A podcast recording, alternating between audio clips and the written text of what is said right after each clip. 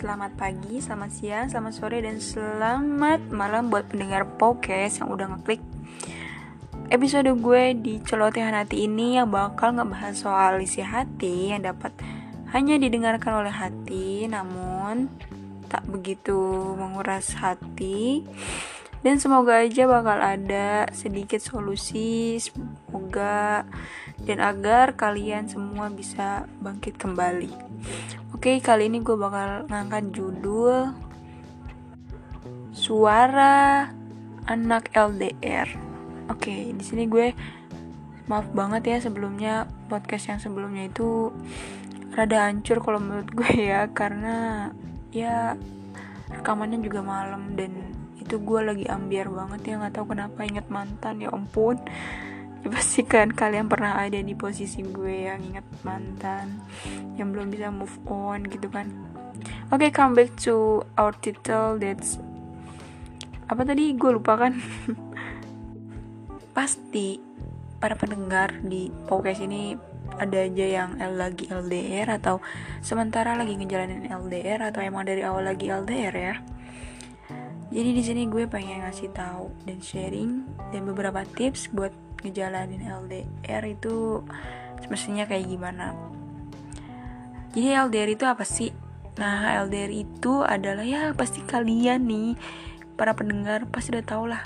LDR itu long distance rela dibohongin atau long distance rela diduain shape yang enggak lah LDR itu long distance relationship. Cuma ya emang kalian LDR tapi nggak tahu kan pasangan kalian ngelakuin apa di belakang kalian. Untuk ini konteks pacaran ya bukan konteks udah suami istri yang LDR ah itu mah beda lah rasanya. Pokoknya nih beda. Kita konteksnya pacaran. Ya jadi LDR itu long distance relationship yang mana ada dua insan lelaki dan perempuan atau perempuan-perempuan atau laki dan lelaki Gak, kita bahas ini adalah lelaki dan perempuan yang sedang menjalin hubungan ikatan pacaran tetapi dibedakan oleh jarak. Nah apa sih suka duka yang kalian rasakan selama LDR oh pasti banyak kan. Mulai dari jarak gak bisa ketemu menahan rindu eh, banyak mm, berprasangka buruk karena gak ada kabar atau ya salah pengertian atau salah kata dalam chattingan atau gak ada waktu buat teleponan. Dan banyak lagi yang mungkin kalian rasakan saat LDR. Kalau gue pribadi, gue emang dari awal LDR sih. Dari pertama kali kita pacaran emang lewat chattingan aja. Karena LDR gitu deh kita emang satu sekolah tapi pas lulus sekolah kita uh, kembali ke kampung masing-masing gitu. Gue di Bogor dan cowok gue waktu itu di Bekasi. Nah gitu selama pacaran kita emang gak ketemu sih. Tapi sering chat gitu kan. Namanya juga baru lulus ya. Jadi mungkin masih gabut belum ada kerjaan kuliah juga nunggu jadwal tes atau jadwal buat PBAK dan semacamnya. Karena gabut jadi kita sering chattingan dan tanpa setiap hari malah. Bahkan teleponan sampai pagi. Ya namanya juga baru berbunga-bunga kan hati. My god itu mestinya gak bisa dipungkiri banget kan buat ditinggalin. Kalau ada apalagi kita punya pacar yang masa iya sih kita punya pacar terus dicuekin? Itu bukan pacaran namanya. Emang sih dari awal kita tuh emang temenan. Ya ada aja sih temen yang berakhir dengan perasaan. Ada perasaan yang berakhir menjadi sebuah teman. Oh my god. Oke, waktu itu gue pernah LDR. Jadi uh, kita tuh selalu punya hasrat buat ketemu dan selalu nggak bisa gitu. Karena waktu itu gue emang nggak bisa naik kereta ya. Jadi mikir gue jadi kayak takut gitu naik kereta. Karena sendiri kalau misalnya gue ke Bekasi kan is impossible gitu kan. Masa cewek nyamperin cowok gitu. Jadi pas pertama kali gue ketemu itu gue belum mulai kuliah gue masih di Bogor. And then uh, gue jadi cowok gue yang ke Bogor buat ketemuin gue dan dia ngajarin dan kita pergi jalan-jalan ke naik kereta and then di situ dia ngajarin gue cara naik kereta dan semacamnya gitu. Habis itu udah itu masih biasa aja yang kita emang cuma chattingan udah mah gue nggak punya duit ya.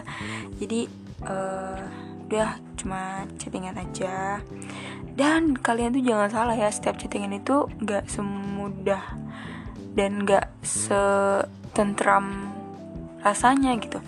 Jadi di chattingan itu permasalahannya ada aja. Kayak misalkan kita salah pengertian sama apa yang dia katakan. Padahal dia itu cuma ketikan loh. Kita salah paham. Nah di situ jadi kesel. Kalau pribadi sih gue ngerasa emosi yang dirasakan saat mengetik itu lebih lebih terasa muak daripada di sebuah telepon atau ketemu gitu. Karena gimana ya kita nggak bisa ngeluapin itu. Ibaratnya kita nggak kita cuma nahan amarah tapi lewat ketikan itu nggak puas buat diluapkan gitu. Beda sama kita ngomong langsung and then uh, kita menatap mukanya dan kita mau ngapain itu orang dan bisa kita mau refleks kita mau ngegebuk itu bisa diluapkan tapi kan kalau chattingan beda ya. Lebih lebih uh, pokoknya lebih terasa deh emosinya. Dan akhirnya dengan cara blokir itu udah bisa meredakan gue sih. Tapi jujur kalau di blok kalau ngeblokir itu gue malah jadi kepikiran ya. Jadi ya gue diemin aja. Sampai dia juga marah-marah sendiri gitu kan. Gue bingung. Udah maksudnya gue tipikal orang yang kalau marah tuh diem. Gak ngegubris atau tunggu gue adem dan baru gue selesai masalahnya gitu.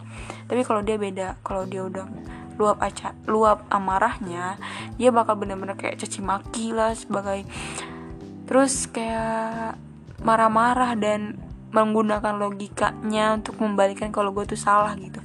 Itu sering banget terjadi dan sam pernah gue sampai putus asa dan gue ngerasa ini gue toxic banget atau gimana. Gue sampai diomelin and then ya walaupun ketika gue ngerasa sakit hati lah sebagai cewek ya.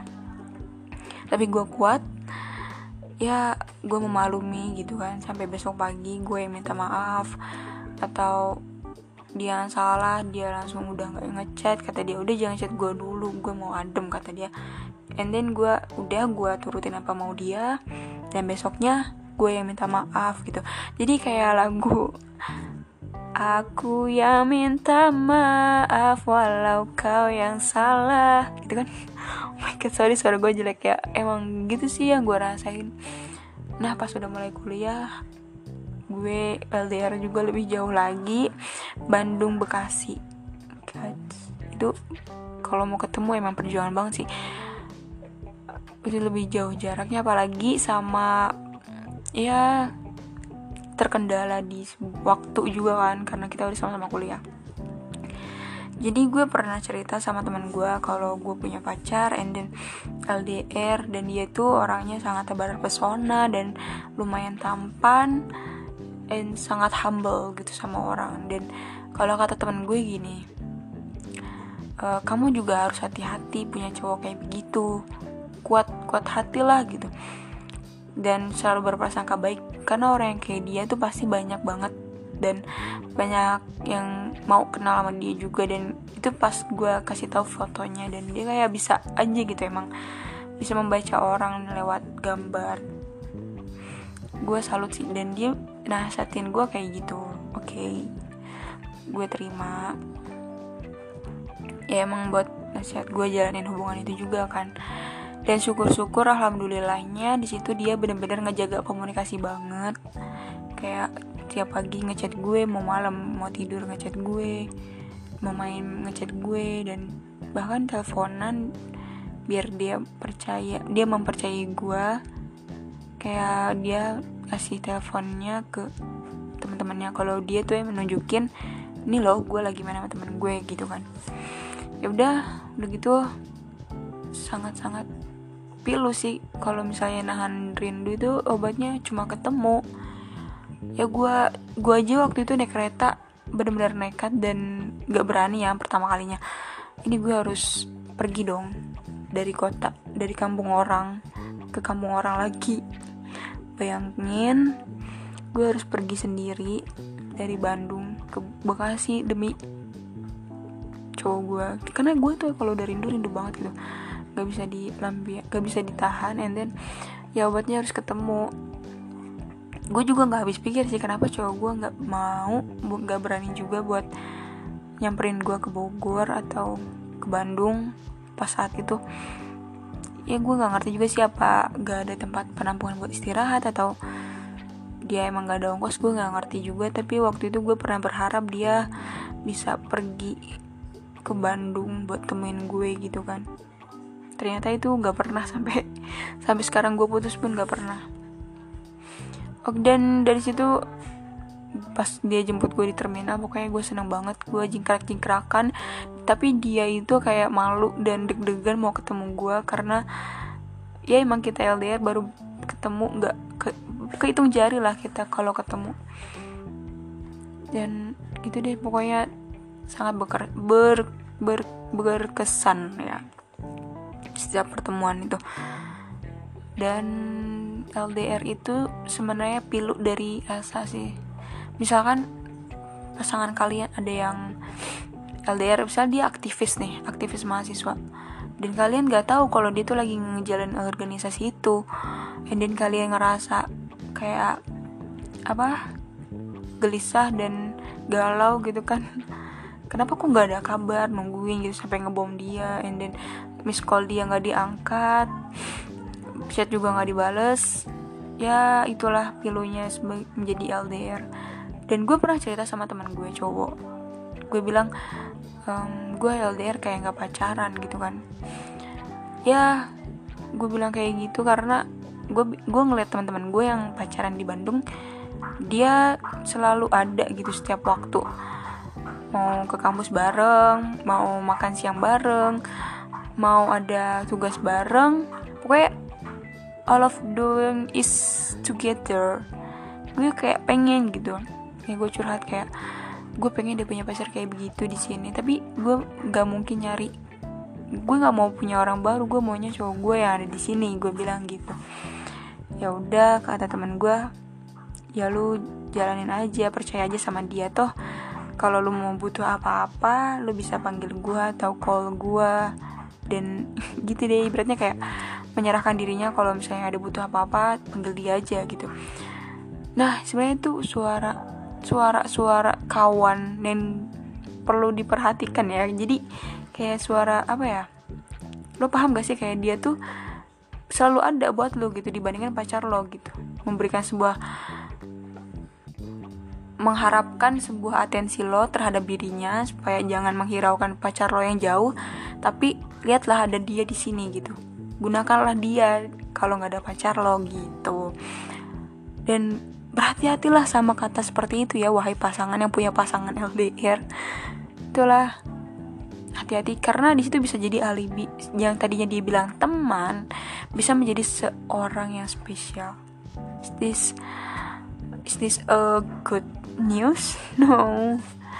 Oke okay, di situ berhati-hatilah buat kalian ya. Jadi sebisa mungkin komunikasi kalian perbaiki kayak berilah perhatian gitu ke pasangan kalian apalagi buat cowok yang lagi LDR sama ceweknya.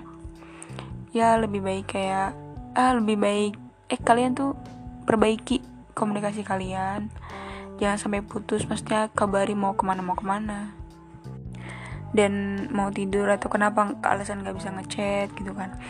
Dan kuncinya lagi kalau LDR kalian tuh sebenarnya sebenarnya nih ya kalau misalnya mau ngejalanin sebuah hubungan harus lihat dulu ujungnya mau ke mana gitu. Misalkan kalian mau nikah apa kalian mau sama-sama ya emang sih kebanyakan pacaran itu mau nikah. Atau hanya main-main atau ya banyak deh dan pokoknya poin paling penting adalah jangan terlalu berekspektasi tinggi kepada pasangan. Karena misalnya gini, kalian berharap, ih, gue pengen makan siang nih misalkan, terus lo ngodain gitu ke cowok lo. Eh tiba-tiba biar lo da biar cowok lo datang gitu kan jauh-jauh. It's impossible guys.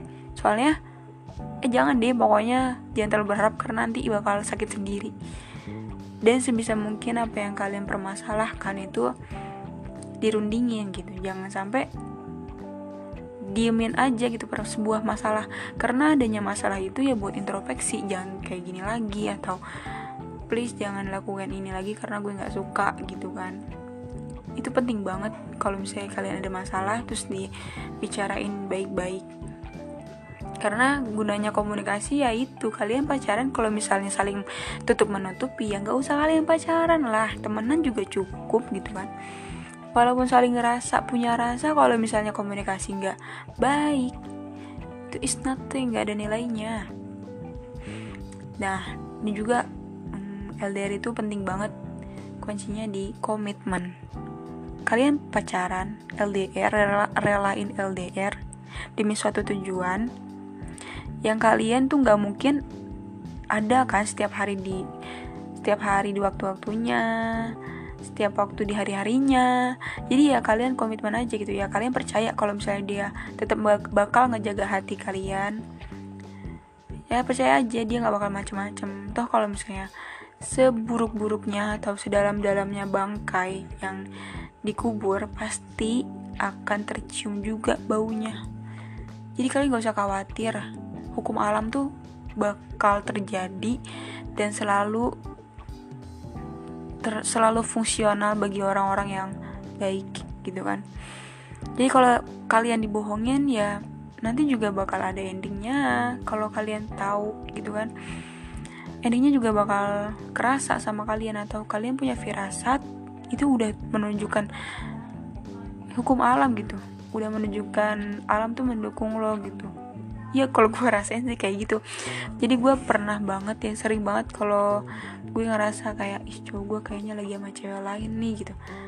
Terus uh, gue ngerasa bukan seujuan atau gimana ya ada aja bisikan di kipling gue di hati gue yang mengatakan bahwasannya ih cowok gue lagi ada di suatu tempat yang kayak gini gini gini ih cowok gue lagi gini gini gini ih cowok gue kok kayaknya aneh ya sekarang. Jangan-jangan dia habis ketemu orang nih ya itu ada aja yang bisa kan kayak gitu. Dan ternyata pas setelah gue ketemu bener aja. Gue lihat foto gue lihat chattingannya dia gue lihat di, di galeri dia ada foto dia sama cewek. Ismen nggak deket sih tapi adalah foto cewek di HP-nya dan pasti kalau ngapap-ngapap kayak gitu kan ada orangnya. Terus gue lihat di chattingannya ya dia chatan sama ini sama ini sama ini. Dan ada teks janjian ketemu. Oh my god itu gue emang gak bisa kayak gimana ya gak bisa maafin tapi ya lah udah baru kayak gini doang. Gue harus kuat. Dan gue di situ kuatin komitmen gue gue ngerasa gue yakin ini pasti bakal sampai tujuan. Ya emang sih tujuan gue sama dia itu nikah. Cuma sebelum itu emang banyak luka banget sih yang gue rasain. Terus juga uh, sebenarnya sih dia pernah nyinggung gue gini ya. Kayak dia tuh pengen punya pasangan yang tiap hari ada gitu kan. Kalau ke kampus pengennya dilirik gitu. Lirik tapi gue bawa cewek gitu kan. Ya kayak gitu udah banyak banget. Dan gue ngerasa ih gue nggak bisa kayak gitu karena kita beda kampus. Dan udah deh gue nggak ngebahas itu lagi. Cowok gue kayak malumin ya gue LDRD tuh pengennya sebulan sekali kita ketemu. Dan gitu deh itu suka duka LDR gue ya segitu sih yang gue rasain. Banyak sebenarnya. Apalagi detik-detik mau putus itu gue kayak nemuin kebohongan dia yang sangat-sangat membuat gue pilu banget. Ya, dia pergi sama cewek lain tanpa sepengetahuan gue it's mean kalau misalnya dia pengen pergi bilang gitu mas siapa kek? Dan siapa aja gitu bilang aja gitu. Maksud gue jangan sampai ngebohongin gue gitu. Dan itu sangat sakit banget kalau dibohongin. Karena it's everything I'll give for him. Yeah because of my love with him. My love with my love to him itu kalau bisa dibohongin is hurting myself ya gak sih? Ya udah dari situ gue sedih banget sih kayak setiap gue tahu gue nggak bisa nemenin lo saat itu seenggaknya katakanlah apa yang bakal lo lakuin gitu kan. Dan kuncinya lagi kalau LDR itu kalian sebaik-baiknya punya kegiatan yang bisa ngelupain hubungan kalian. Maksudnya bukan ngelupain hubungan sih kayak jangan terlalu bucin lah gitu. Karena kalau misalnya lo terlalu bucin lo bakal ngelupain semuanya. Ibaratnya dunia lo yang ada di mata lo tuh akan terlupakan gitu. Bakal gak ada apa-apanya. Padahal yang nyata dalam kehidupan lo itu adalah sekitar lo. Bukan cowok lo yang lagi jauh di sana gitu. Atau pasangan lo yang jauh di sana. It mean lakukanlah doing your your work best. Pokoknya uh, lakuin dunia lo sebaik-baiknya. Karena kita nggak akan tahu kan ujungnya kayak bakal kayak gimana ujungnya bakal terjadi apa dan it's mean lu jangan terlalu bergantung sama dia karena dia tuh belum banget banget beri harapan lo 100% dan gak bisa dan gak mungkin ya 100% bakal jaga omongannya. Bahkan walaupun dia bilang gak doyan gak doyan ya kalau disodorin cewek gitu ya bisa-bisanya pokoknya kalian sebaik-baik mungkin percaya diri sama diri kalian yang megang omongan dan hubungan kalian itu adalah diri kalian masing-masing. Jadi walaupun kalian terikat tapi tetaplah percaya pada diri sendiri. Oke okay? gue ulangi lagi buat kalian yang lagi ngejalanin LDR sebaik mungkin kalian jaga kepercayaan kalian kepada diri sendiri bukan kepada pasangan kalian. Kalian mau bahagia Jangan beri bahagia itu kepada orang lain dulu, tapi bahagiakanlah diri sendiri. Thanks for hearing my podcast. So don't, don't forget to come back, klik lagi dan see you. Have a nice day.